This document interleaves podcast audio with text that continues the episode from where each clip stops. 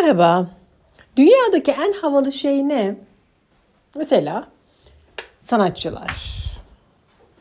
Mesela böyle ustalar yani. Sanatçılar ne yapar? Diyelim ki bir piyanist parmaklarını ve kulağını eğitir. Diyelim ki bir ressam parmaklarını ve gözlerini eğitir. Tamam mı? Diyelim ki bir usta parmaklarını ve gözlerini eğitir. Diyelim ki bir dansçı mesela ayaklarını, kollarını ve kulağını eğitir.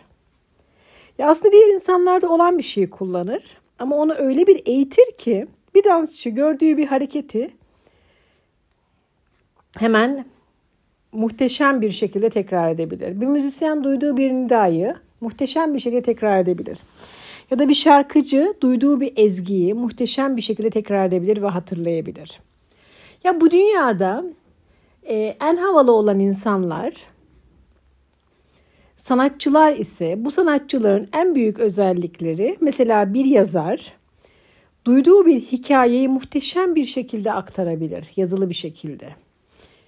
Yani bunun için parmaklarını eğitir, parmakları hızlı bir şekilde harfleri kul yazar. Bunun için zihnini eğitir, zihni hızlı bir şekilde olayı sıralar.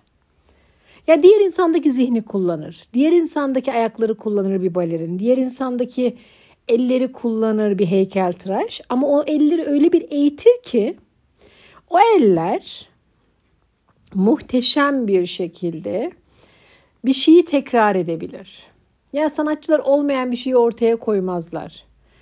Olan bir şeyi muhteşem bir şekilde ortaya koyacak şekilde kendi enstrümanlarını, kollarını, bacaklarını, ellerini, dillerini, gözlerini, ayaklarını, parmaklarını, kulaklarını eğitirler. Bu dünyadaki en havalı şey insanın kendini eğitmesi. Değil mi? Kendi kaslarına söz geçirmesi, değil mi? Ses telleri mesela. Söz geçirebiliyor buna şarkıcılar. Parmaklar mesela söz geçirebiliyor buna piyanistler. Ayaklar mesela balerinler buna söz geçirebiliyor. Değil mi? Dünyadaki en havalı şey insanın kendine ait olan enstrümanlarına söz geçirebilmesi. Sevgiyle, huzur içinde.